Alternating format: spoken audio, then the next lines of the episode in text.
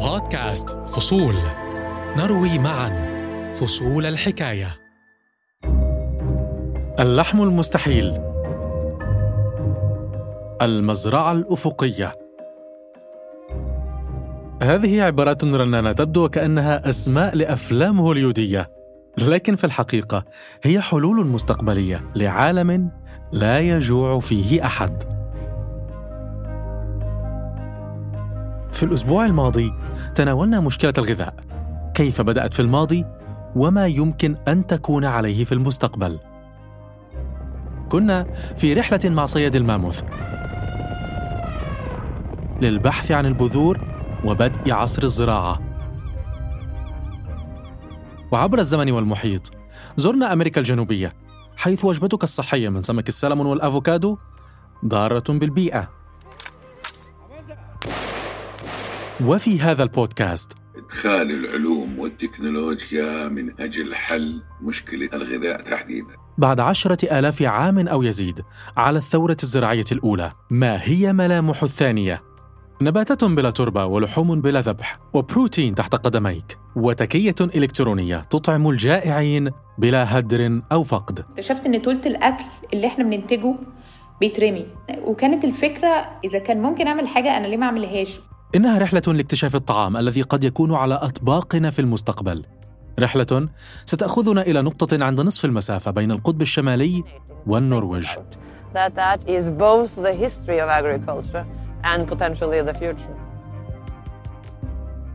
هذه هي الحلقة الأخيرة من ثنائية تطرح سؤال المستقبل في مشكلة الغذاء. ما الذي على وشك أن يتغير؟ وما هو أثر هذا التغيير؟ أنا محمود الشعراوي وهذه حلقة جديدة من بودكاست فصول.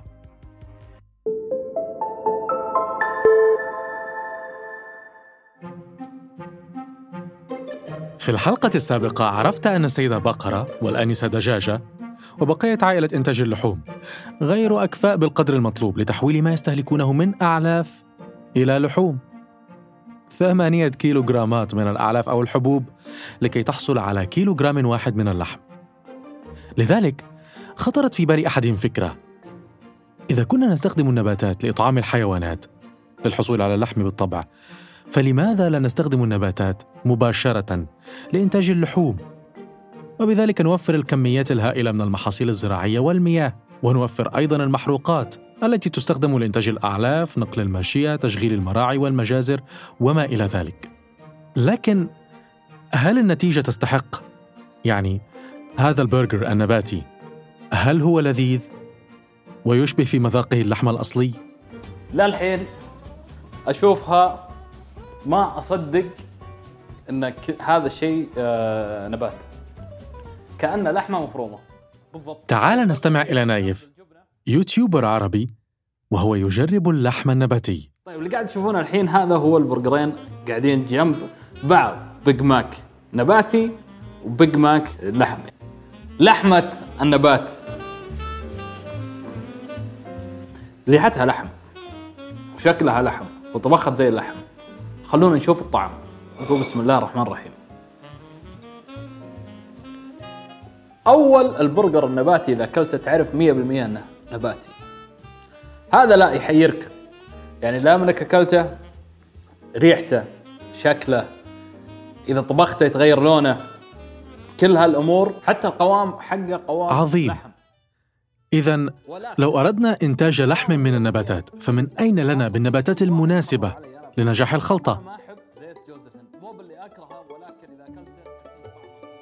تاريخيا تناول البشر أكثر من سبعة آلاف نوع مختلف من النباتات وكثير من هذه النباتات لا يزال موجودا إلى الآن. أين هذه النباتات المختلفة؟ إنها هناك في سبيلبارد. مرحبا بك في آخر نقطة مأهولة قبل القطب الشمالي. تقع سبيلبارد في منتصف المسافة بين النرويج والقطب الشمالي. لا شيء هنا سوى الجليد وقليل من الدببة والغزلان But except this, there's really nothing much uh, in Svalbard. Nothing grows here. وأيضا مستودع خاص بالصندوق العالمي لتنوع المحاصيل The Svalbard Global Seed Vault is um, one piece in the global puzzle we are putting together to safeguard crop diversity. يضم المستودع أكثر من مليون من عينات بذور النباتات من كل دولة في العالم تقريبا. هذا المستودع هو الأكبر والأكثر تنوعا في العالم.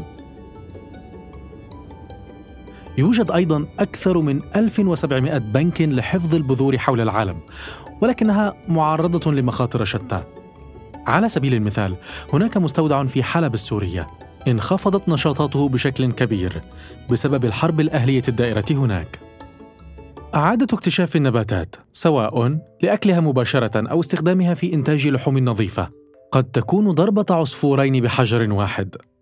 لكن هذا الحل لا يتفق عليه الجميع. اللحوم النظيفة ليست نظيفة تماما وقد لا تكون صحية. مارك سيشن مؤلف كتاب وجبتين في اليوم يقول إن اللحم النباتي ليس صحيا وبه إضافات مضرة. would rally around something so antithetical to health. And in the name of saving the climate or saving the animals or whatever. ماذا لو أنتجنا لحما حقيقيا لا يستهلك الموارد الضخمة من البيئة ولا يأخذ وقتا طويلا في إنتاجه ولا يعرض الحيوانات لظروف قاسية كأنني أتحدث عن حلم أليس كذلك؟ هو حلم في طريقه للتحقق هل تذكر الدكتور فاضل الزعبي خبير الأمن الغذائي السابق في الأمم المتحدة؟ ضيفنا من الحلقة السابقة. الرجل لديه إجابة. إحنا الآن في تجارب لإنتاج اللحم الصناعي في المختبرات. وهذا لحم ثبت حسب التجارب الأولى بأنه طعمه لا يختلف عن الطعم العادي بل على العكس هو مسيطر عليه مخبريا لذلك راح يكون خالي من الأمراض وخالي من الكثير من ال- ال- الأوبئة اللي ممكن نتصورها هذه الطريقة أسرع سبع مرات من تربية الماشية. تقنية إنتاج اللحم في المختبرات تقنية واعدة، ولكن هذه التكنولوجيا لا زالت تحت الاختبار، لم تدخل مجال التصنيع بعد. وربما تحتاج إلى نظرة مستقبلية. لكن إذا نظرنا تحت أقدامنا، ربما نجد ما نأكله. الحشرات. إنتاج البروتين من الحشرات والديدان والجراد وغيرها وهي غنية بالبروتين وهذا أيضا راح يوفر البروتين اللي بإمكاننا ندخله في صناعات عديدة وإمكاننا نأمن حصة الفرد من هذا البروتين اللازم لنمو الطفل والإنسان بشكل عام من هذا البروتين. إذا هذا الاستثمار بهذا المجال أيضا ضروري. علاقتنا بالحشرات في ثقافتنا ليست ودية. انسى الجانب المقزز. فكر في الأمر من نظرة اقتصادية. هذه الحشرات تتغذى على البقايا العضوية ويمكنها أن تحل مشاكل كبيرة. كل هذه التقنيات السابقة سواء اللحم النباتي أو إنتاج اللحم في المختبرات أو الحصول على البروتين من الحشرات هدفها التقليل من تربية الحيوانات وإنتاج اللحم التقليدي لأن ذلك يضر بالبيئة. لكن أنصار اللحوم التقليدية لديهم اعتراض. يقولون: لنفترض أن البشر كفوا جميعا عن تناول اللحوم واتبعوا حمية النباتية، فكيف ستوفر لهم الغذاء؟ عن طريق المونوكروب agriculture؟ I think everyone with a moral, with a heart and a, a, a soul agrees that factory farming, in terms of animals, is disgusting. It's horrible. Yep. But I don't think they understand the horrors of monocrop agriculture and how bad it is. المونوكروب agriculture يعني زراعة مساحة هائلة من الأرض بمحصول واحد مثل الذرة أو الأرز أو القمح المحاصيل الثلاثة الرئيسية على هذا الكوكب والزراعة بهذه الطريقة تتطلب استخدام كميات هائلة من المبيدات الحشرية ومن إفقار التربة من المغذيات الأساسية وفقد كميات هائلة من المحاصيل the horrors of monocrop agriculture and how bad it is. It's so bad for the environment. It's so bad for the soil. It's bad for the animals. It's it's terrible for all the wildlife that gets moved and, and displaced because of the fact that you have. you know, لكن من 4,000 قال أن هذا شكل الزراعة في المستقبل؟ الطريقة التقليدية للزراعة هي قطعة أرض طينية خصبة قريبة من مصدر المياه عليها مزروعات من صنف واحد وإذا ذكرت الزراعة الحديثة في حضرة هذه الزراعة التقليدية فسيخطر في البال مباشرة استبدال طريقة الري بالغمر بالري بالتنقيط لكن الزراعة في المستقبل ستذهب أبعد من هذا إليك هذا التصور عن مزرعة المستقبل The next agricultural revolution will have to increase the output of our existing farmland for the long term, while protecting biodiversity, conserving water, and reducing pollution and greenhouse gas emissions.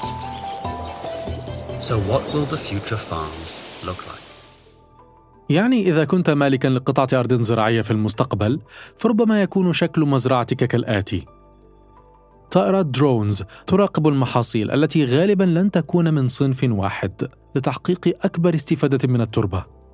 سيكون لديك أيضا روبوتات لتسميد المزروعات بشكل منفرد وأجهزة قياس تنقل لك كل شيء يتعلق بالتربة أو بالنباتات.